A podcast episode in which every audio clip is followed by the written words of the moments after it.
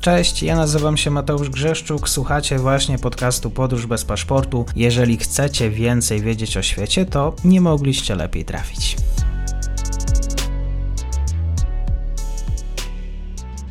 Dzień dobry wszystkim słuchaczom. Mam dzisiaj wielką przyjemność rozmawiać na mojej audycji po raz kolejny o Ameryce Łacińskiej. Moim gościem jest Wojciech Ganczarek, inaczej znany jako fizyk w Argentynie, który też przebywa tam od 9 lat, zmierza zakątki i peryferie kontynentu, pisze książki, nagrywa filmy. Dzień dobry, dziękuję za przyjęcie zaproszenia. Dzień dobry, pozdrawiam z Argentyny. Dziękuję za, za zaproszenie i porozmawiać po polsku, bo to mi się rzadko zdarza. Sprzedani reportaż z peryferii to jest reportaż, który ukazał się e, w ubiegłym roku. Piszesz też, że mogłoby się wydawać, że nie ma kraju mniej związanego z dynamicznymi zmianami we współczesnym świecie niż anonimowy Paragwaj. Skąd przekonanie, że Paragwaj jest anonimowy i dlaczego?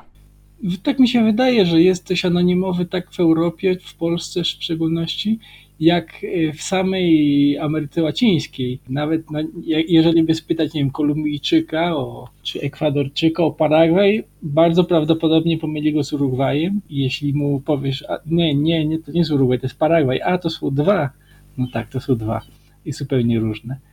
E, w Polsce wydaje mi się, że też mam, jeżeli myślimy o Ameryce Południowej, myślimy może o Brazylii, o Kolumbii, o Argentynie, mamy jakieś wyobrażenie o Peru, natomiast o Paragwaju Chyba, chyba jeżeli byśmy spytali przypadkową osobę na ulicy, co ci się kojarzy z Paragwajem, to, to może usłyszelibyśmy długie milczenie. Jeżeli chodzi o porównania z, z Urugwajem, to dotyczy tylko nazwy, czy rzeczywiście coś łączy oba państwa? Bardzo niewiele. Y, znaczy, znowu wiadomo, że zawsze jakieś tam punkty wspólne się znajdzie, prawda? Natomiast jeśli chodzi o, o, o historię, czy czy strukturę etniczną, społeczną, współczesną, sposób bycia, klimat i tak dalej, to są bardzo różne kraje, nawet, nie, nawet ze sobą nie graniczą. Ale to jest tak, że obywatel krajów Ameryki Łacińskiej nie to, że pomyli Paragwaj z Urugwajem, to dlatego, że nie wie, gdzie leży, dlatego, że mieszkańcy są mało charakterystyczni, że państwo nie uczestniczy też w tej takiej lokalnej, regionalnej polityce. Skąd to wynika?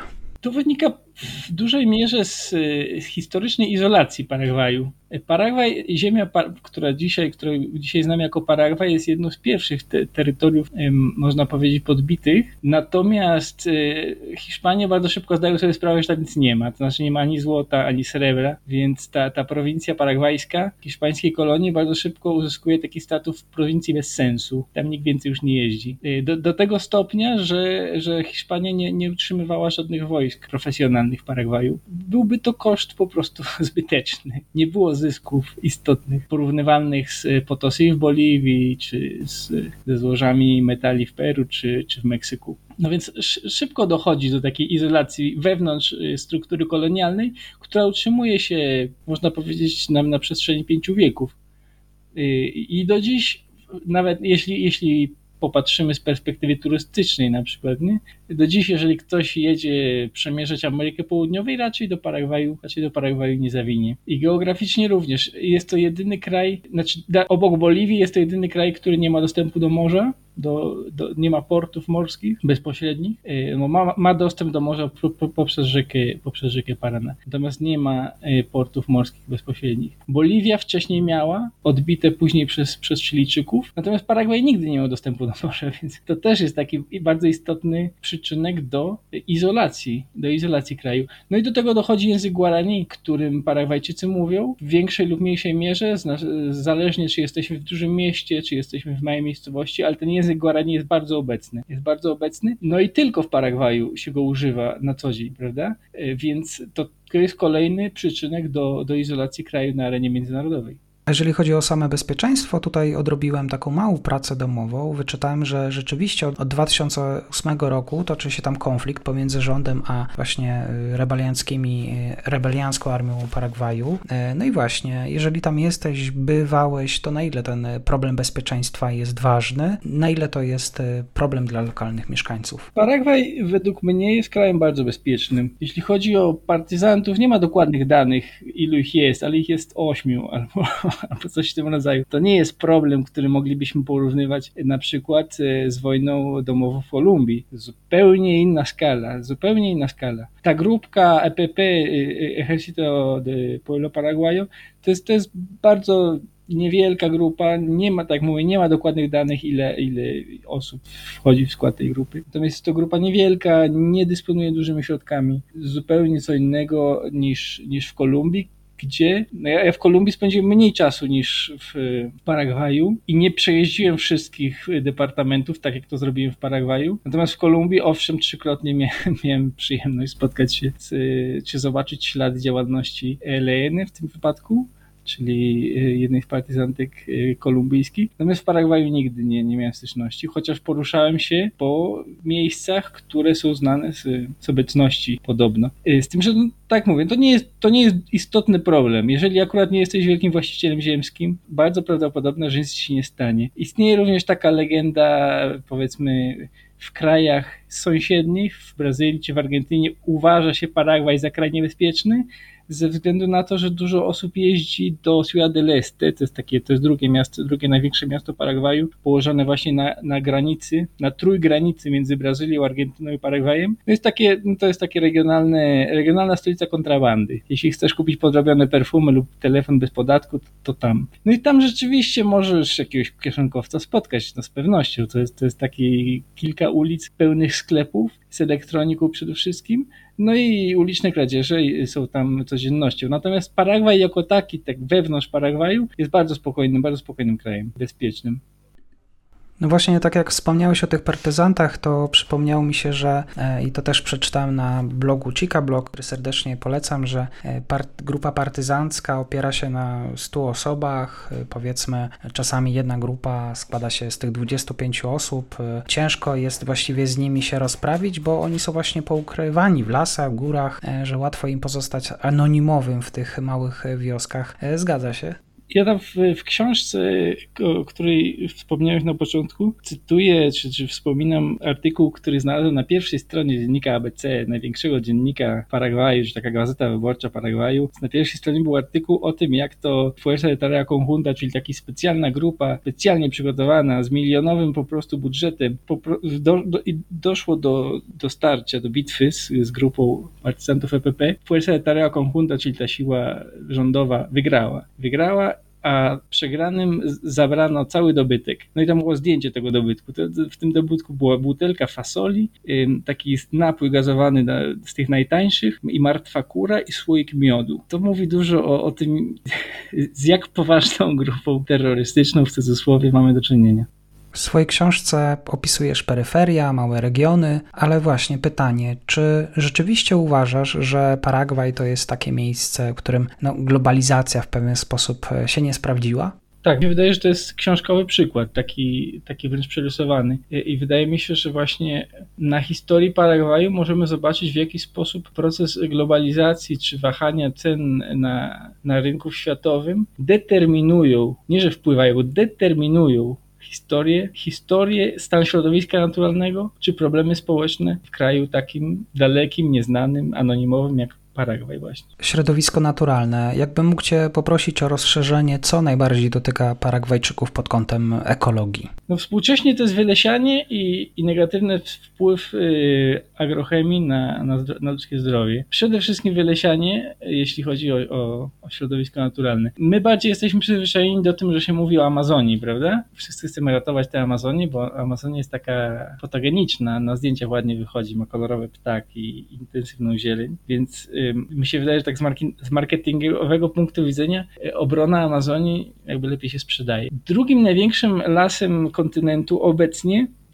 jest y, Gran Chaco Americano, czyli Chaco. Y, Chaco to jest taki las dużo bardziej suchy, mniej atrakcyjny wizualnie niż, niż Amazonia. Ciekawe, że dawniej był to trzeci największy las kontynentu, trzeci największy las Ameryki Południowej. Teraz to drugi las. To nie dlatego, że Chaco urosło, tylko dlatego, że Bosque Atlantico, czy Mata Atlantica, las, który dawniej był drugim największym lasem kontynentu, dziś no istnieje właściwie w Wikipedii tylko. Tam zostało chyba 7% tego lasu. No i w ten sposób Chaco wskoczyło na drugą pozycję. No i Chaco to jest taki region, taki las y, bardziej suchy, który rozciąga się od wschodniej Boliwii przez cały zachód Paragwaju, no i potem przechodząc do Argentyny, prowincję Formosa, Chaco, Santiago del Estero. No taki dość spory region. Y, no i w szczególności zajmuje 60%, 60% terytorium Paragwaju i to jest 60% terytorium bardzo słabo zaludnione, mówimy o 2-3% populacji. No i to się wylesia, czy wyrębuje w tempie między 600 a 1000 hektarów dziennie. 1000 e, hektarów, ile to jest? To, są, to jest 5 księstw Monako. Mamy, mamy wyręb lasu szybkości 5 księstw dziennie. W ostatnich 20-30 latach ten proces jest bardzo intensywny, no i teraz e, do, do, do, przekroczyło się granicę powiedzmy połowy regionu już wylesionego, no i wylesia się dalej. Jeżeli tempo wylesiania się utrzyma na tym samym poziomie, za około 53 lata las Chaco przestanie istnieć. Kto finalnie kupuje paragwajską ziemię? To są Argentyńczycy, Brazylijczycy, sąsiedzi? Do kogo trafia paragwajska ziemia? No to jest bardzo złożone. Y, kwestia własności ziemskiej w Paragwaju to jest kluczowa kwestia w ogóle. I kwestia, która, którą, żeby, żeby opowiedzieć całość, to trzeba było streścić historię ostatnich 150 lat. Ale jeśli chodzi o, o dziś, o, o współczesność, to, to są to sprzedaże ziemi o dużych areałach, taniej ziemi, bo cena za hektar jest niska, 50-100 dolarów za hektar to jest bardzo mało. Porównanie na przykład do wschodu kraju, gdzie za hektar może zapłacić na przykład 50 tysięcy dolarów. Więc to są ziemie tanie, ale sprzedawane w dużych y, ilościach. Znaczy, okej, okay, hektar, hektar kosztuje 100 dolarów, tylko że nie sprzedają ci jednego hektara, sprzedają ci 10 tysięcy hektarów, no i na to już trzeba mieć poważne pieniądze. No więc te, te kto kupuje te działki, tak zwani land, landbankerzy, czyli spekulanci ziemią, no i wielcy właściciele ziemscy, którzy kupują właśnie te 5, 10, 20 tysięcy hektarów, wylesiają albo kupują już wylesione, bo istnieją specjalne firmy, które zajmują się tym, żeby kupić gigantyczny obszar lasu, 100 tysięcy hektarów na przykład, wylesić, y, systematycznie podzielić na działki i sprzedawać takie działeczki po 50 tysięcy hektarów. Ty potem przyjeżdżasz, kupujesz, wpuszczasz swoje bydło wzorowej rasy i zajmujesz się sprzedażą y, wołowiny na eksport. Bardzo dobrej wołowiny. Najlepsza wołowina to wołowina z Czako, przepyszna, natomiast no, niszczy cały ekosystem i, i, i stosunki społeczne w, w kraju i zmienia klimat w, w całym regionie. Więc dlaczego się wylesia czako? W ogóle dlaczego się wylesia dzisiaj współcześnie w XXI wieku? Ze względu na wzrost konsumpcji mięsa e, na, na skalę światową. Ale to są Paragwajczycy, Brazylijczycy, Argentyńczycy. Kto właściwie dokonuje tutaj tego przejęcia tej ziemi? Rozumiem, że to są sąsiedzi. Tak, jest, jest to dość taki koktajl zróżnicowany. Rzeczywiście Brazylijczycy w ostatnich latach szczególnie bardzo silnie, bardzo silnie uderzają, szczególnie w departamencie Alto Paraguay, czyli to jest taki północny zachód kraju. Urugwajczycy podobno mają już 2 miliony hektarów, czyli 5% powierzchni kraju. Argentyńczycy również i inwestorzy z bardziej odległe, odleglejszych kraju, krajów, z Francji, z Korei, ze Stanów Zjednoczonych, Wielkiej Brytanii i tak dalej. Również politycy, ci partii rządzącej, partii jedynej w Paragwaju, bo Paragwaj jest rządzony przez tą samą partię właściwie od 54 e, roku z małą, z króciutką, z króciutką przerwą w 2008. E, no więc ci politycy, którzy wyrośli jeszcze właśnie w środowisku e, dyktatora Stroessnera również zajmują swoje ziemie. To, to jest taki pozytywny aspekt jednak, bo jeśli by nie oni, to, to, to Chaco paragwajskie w ogóle by zostało tylko w rękach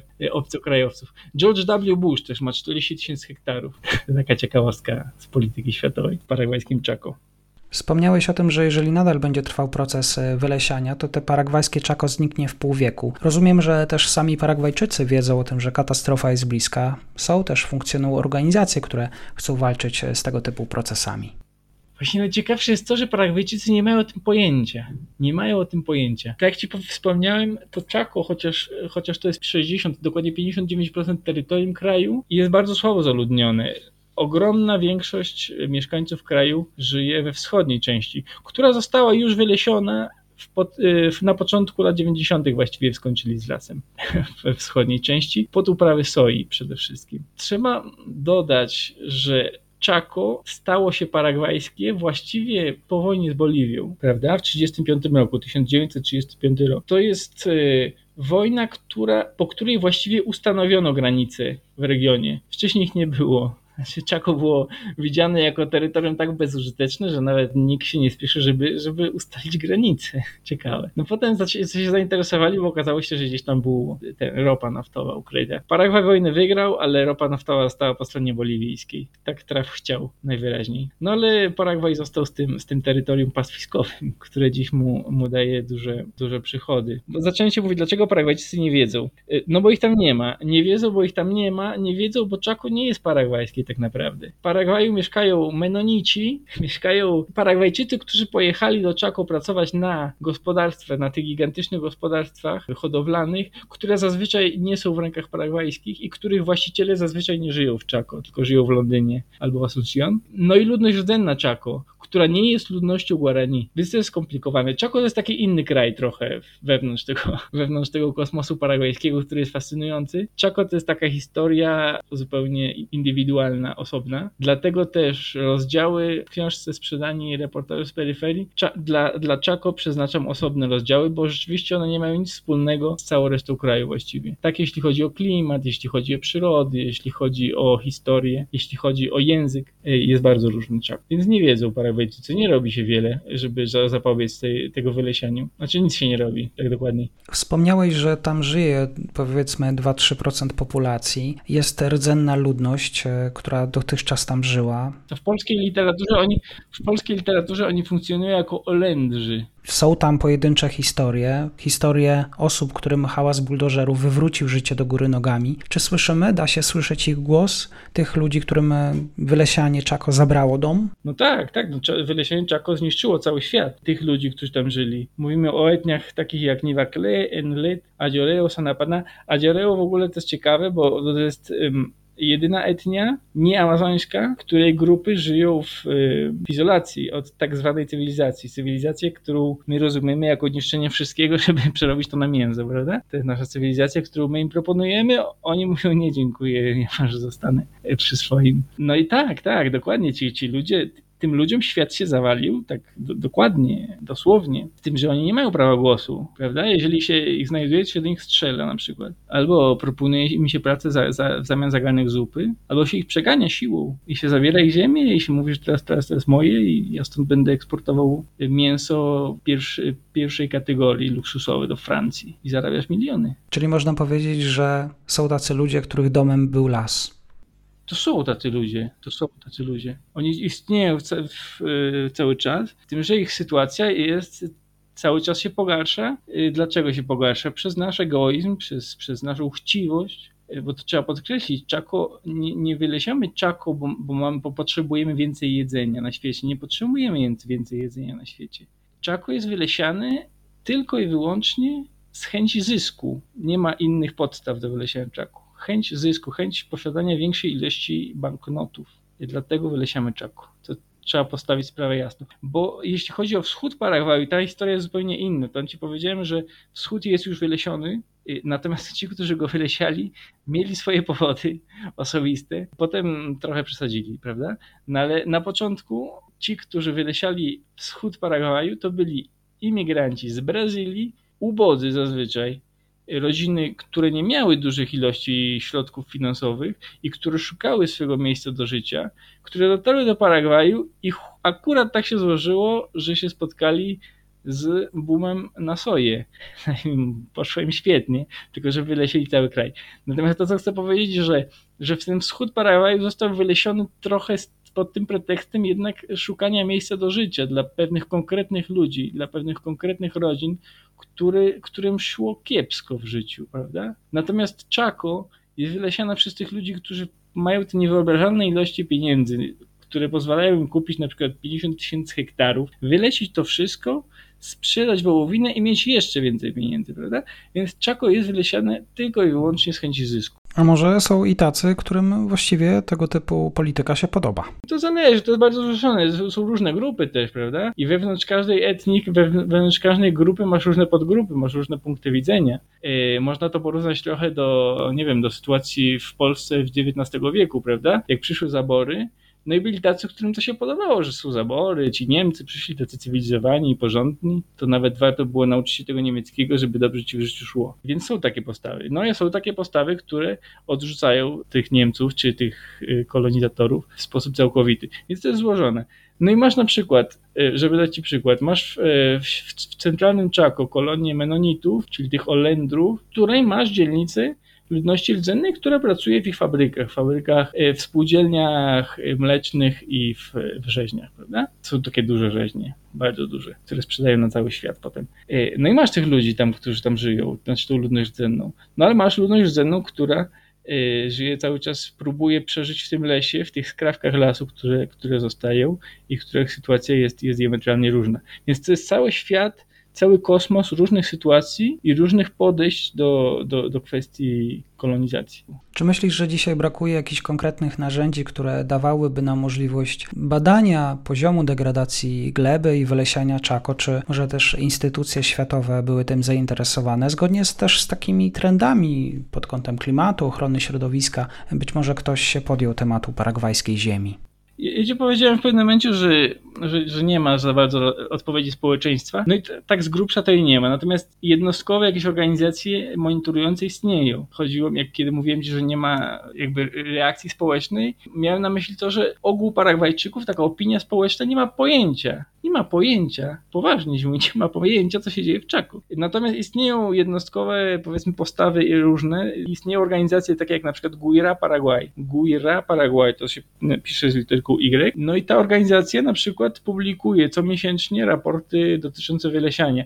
Stąd ja, ja, ja mam te cyfry, o których ci mówiłem, że, że mam wylesianie w granicach tysiąc, tysiąca hektarów dziennie. Czasem to jest 600, 800, 1000, 1400 hektarów na dzień. Ja te dane mam właśnie z Y, z zasobów udostępnianych przez y, Fundację Guira Paraguay. No więc oni na przykład monitorują, tylko że oprócz monitorowania, no to oni tam wiele, wiele zrobić nie potrafią. Znaczy wiele, nie, nie mają kompetencji, żeby zrobić coś więcej, prawda? No bo no może mogą to zrobić władze. A władze w Czako nie mają wiele do powiedzenia, bo, bo Czako, nie, Czako jest w rękach obcych, szczególnie jeśli chodzi o północny Czako, który jest w rękach brazylijskich. Jeśli chodzi o, o postawę zagraniczną, nie jestem w stanie ci powiedzieć. Wiem, że na przykład istniały takie, istniała, istniała taka inicjatywa, żeby zabronić importu paragwajskiego węgla drzewnego w Niemczech. Tym się zajmowali nie, niemieccy misjonarze, tak dokładnie, którzy mieszkają w Czaku, pracują w Czako no i próbowali wywierać wpływ na, na, na władze niemieckie, jako że miały do tych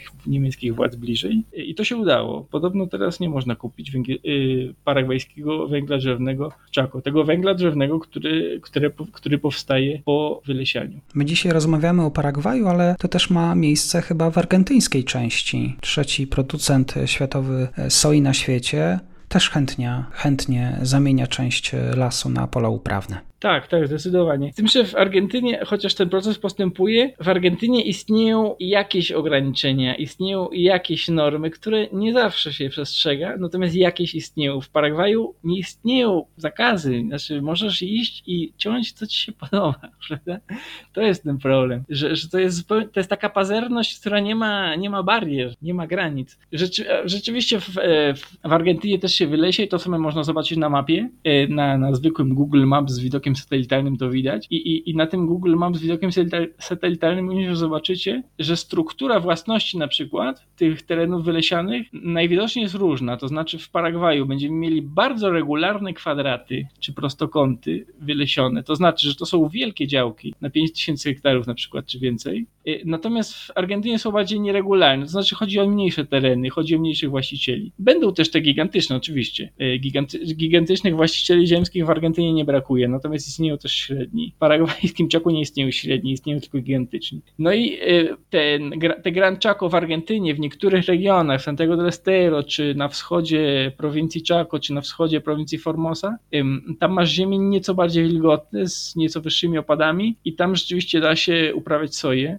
czego w większej części paragwajskiego czako się nie robi, bo jest, y, jest zbyt sucho, czy opady są zbyt nieregularne i w czako tym paragwajskim przede wszystkim stawia się na hodowlę.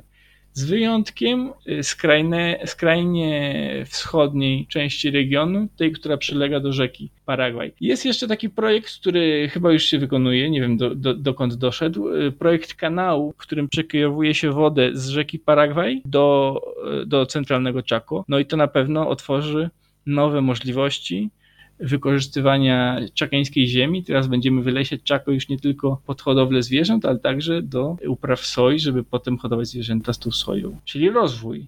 Rozwój i przyszłość.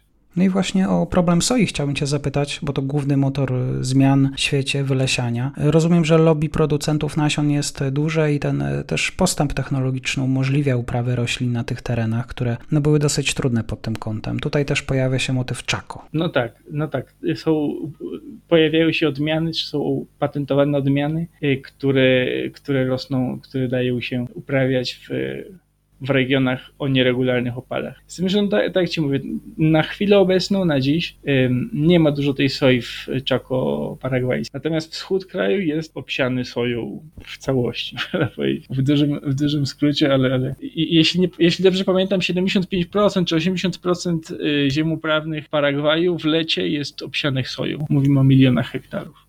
Argentynie jednak udało się uregulować chyba rozwój rolnictwa na dużą skalę. To były jakieś konkretne zapisy prawne pod kątem ochrony rodzimych lasów? Istnieją pewne regulacje. To nie znaczy, że się reguluje za dużo. Jeżeli odpowiednio zapłacisz, to się nie reguluje. Na przykład w Formozie co miesięcznie się odczytuje zdjęcia satelitarne, żeby sprawdzić, czy nie ma nielegalnych wylesień. Można to wylesiać legalnie, to znaczy jeśli masz pozwolenie, to nie ma żadnego problemu. Owszem, ta deforestacja w Argentynie postępuje, natomiast nie, nie jest, powiedziałbym, że nie jest tak spektakularna, w tym sensie, że, że Argentynie nie ma wiele lasów. Natomiast no, sytuacja wy, wylesiania na przykład w tym, w prowincji Cordoba, tam chyba zostało 3% 100% lasu. To, to jest y, jakiś, jakiś śmiech na sali, prawda? No i w, w Argentynie istotnym czynnikiem wylesiania jest ogień, który pojawia się, czy pożary, które pojawiają się tak, jeśli chodzi o czynniki klimatyczne, jak i w wyniku podłożeń, podłożeń ognia. Szacuje się, że 94%, 94%, czyli prawie 100 pożarów powstaje w wyniku podłożenia ognia. Y, no i potem właśnie pali się ten las i w następnym roku okazuje się nagle, że przypadkowo właśnie tam, gdzie spalił się las, no to teraz mamy pastwisko, albo przypadkowo w tym miejscu mamy pole golfowe, albo prywatną dzielnicę, w zależności od położenia, bo w prowincji Cordoba są takie e, atrakcyjne, właśnie atrakcyjnie położone tereny w okolicy ładnych pagórków, rzek i strumieni. No i tam właśnie pojawiał się taki problem na przykład jak pożar i za 2-3 lata akurat w tym dokładnie tym samym miejscu przypadkowo wyrasta prywatna dzielnica willowa z drutem kolczastym i uzbrojoną ochroną. Takie są sprawy w Kordowie. To się, to się również dzieje w, na, na, wyspach rzeki, rzeki Parana, z tym, że tam przede wszystkim chodzi rzeczywiście o o, hodowlę bydła. Z tym przenoszeniem się, czy poszerzaniem się tej, tej tak zwanej granicy, granicy rolniczej, sprawa wygląda mniej więcej tak, że, że soja, jako że uprawa soi wielkopowierzchniowa, jako że wymaga pewnych podstawowych charakterystyk terenu, jak na przykład taki, żeby ten teren był płaski i zyski z hektara są dużo wyższe niż w przypadku hodowli, więc plantatorzy soi wypierają hodowców bydła z tych najlepszych ziem, płaskich, najbardziej żyznych, najbardziej wilgotnych. Natomiast hodowcy sprzedają te ziemię i przynoszą się w, w ziemię bardziej marginalne, w ziemię, które doty, dotychczas wydawały się, że się nie przydadzą do, do gospodarki, natomiast jeśli, jeśli odpowiednio duża ilość pieniędzy wchodzi w grę, to już się przydają. No więc, no, no więc wtedy oni wchodzą na przykład na, na, te, na te wyspy na rzece Parana, no i tam rok rocznie są gigantyczne pożary właśnie. No i też na,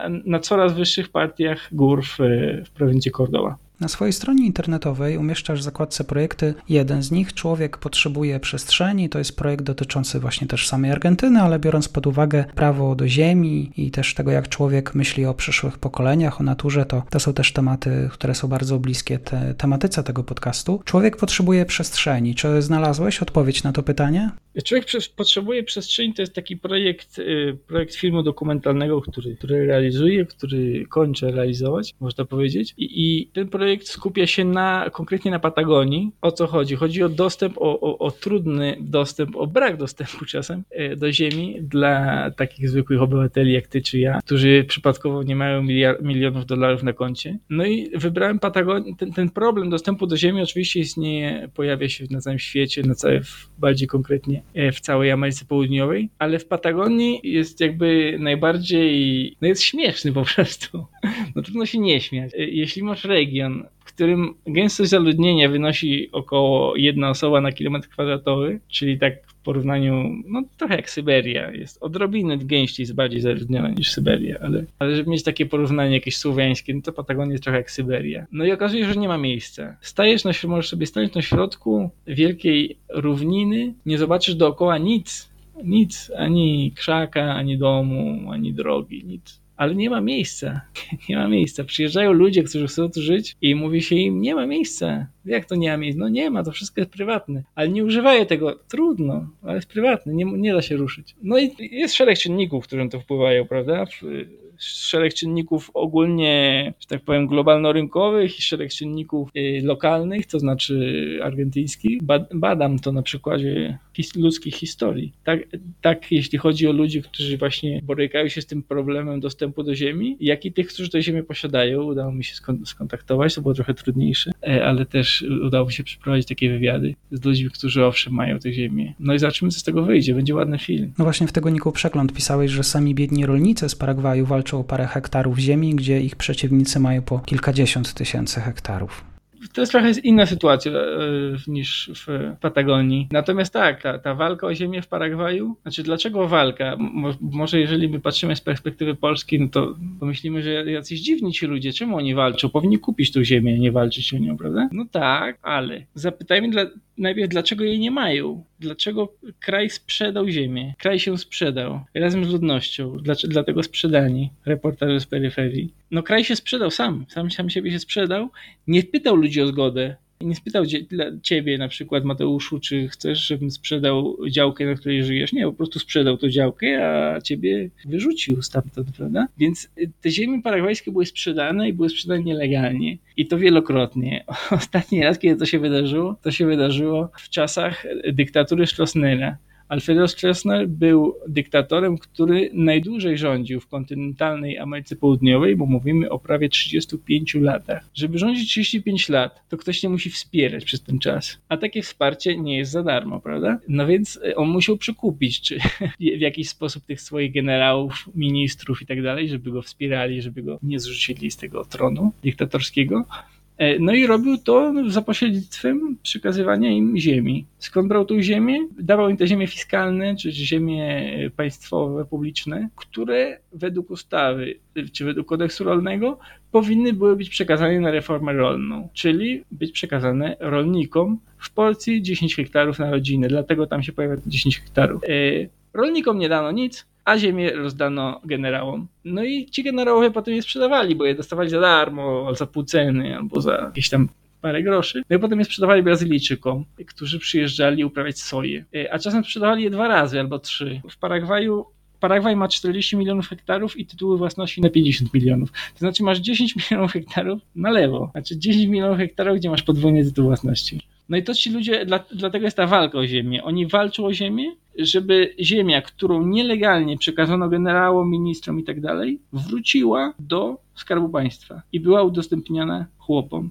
rolnikom paragwajskim. Dlatego jest ta walka o ziemię. To nie jest tak, że oni są jacyś, są jacyś terroryści, którzy schodzą z karabinami i walczą o ziemię. E, tylko to są ludzie, którzy chcą, żeby sprawiedliwości stało się zadość, żeby ta ustawa o reformie rolnej rzeczywiście weszła w życie i rzeczywiście paragwajskie ziemie były dostępne dla paragwajskich rolników, a nie dla brazylijskich plantatorów i dyktatorskich generałów. Właśnie zaskoczyły mnie te dane, że z samego artykułu, że lata 60. XIX wieku tutaj w ręce kapitału zagranicznego wpada 3 czwarte terytorium Paragwaju. To naprawdę dosyć niewyobrażalne liczby. Dzisiaj na temat Paragwaju, na temat tego, jak wygląda obrót ziemią w Paragwaju, Argentynie, klimat, y, las i człowiek w tym wszystkim. O tym rozmawiałem z Wojciechem Ganczarkiem, reportażystą, autorem książki Sprzedani, reportaże z peryferii. Serdecznie serdecznie zachęcam i mam nadzieję do usłyszenia. Dziękuję bardzo za uwagę, a tym, których, tych, których zainteresował Paragwaj, zapraszam do książki Sprzedani reportaże z peryferii. Dziękuję bardzo, do widzenia. I to już koniec na dzisiaj. Zapraszam na profil podcastu Podróż bez paszportu na Facebooku, Instagramie i Twitterze. Zachęcam też do wsparcia mojej pracy na serwisie Patronite oraz Buy Coffee. Do usłyszenia.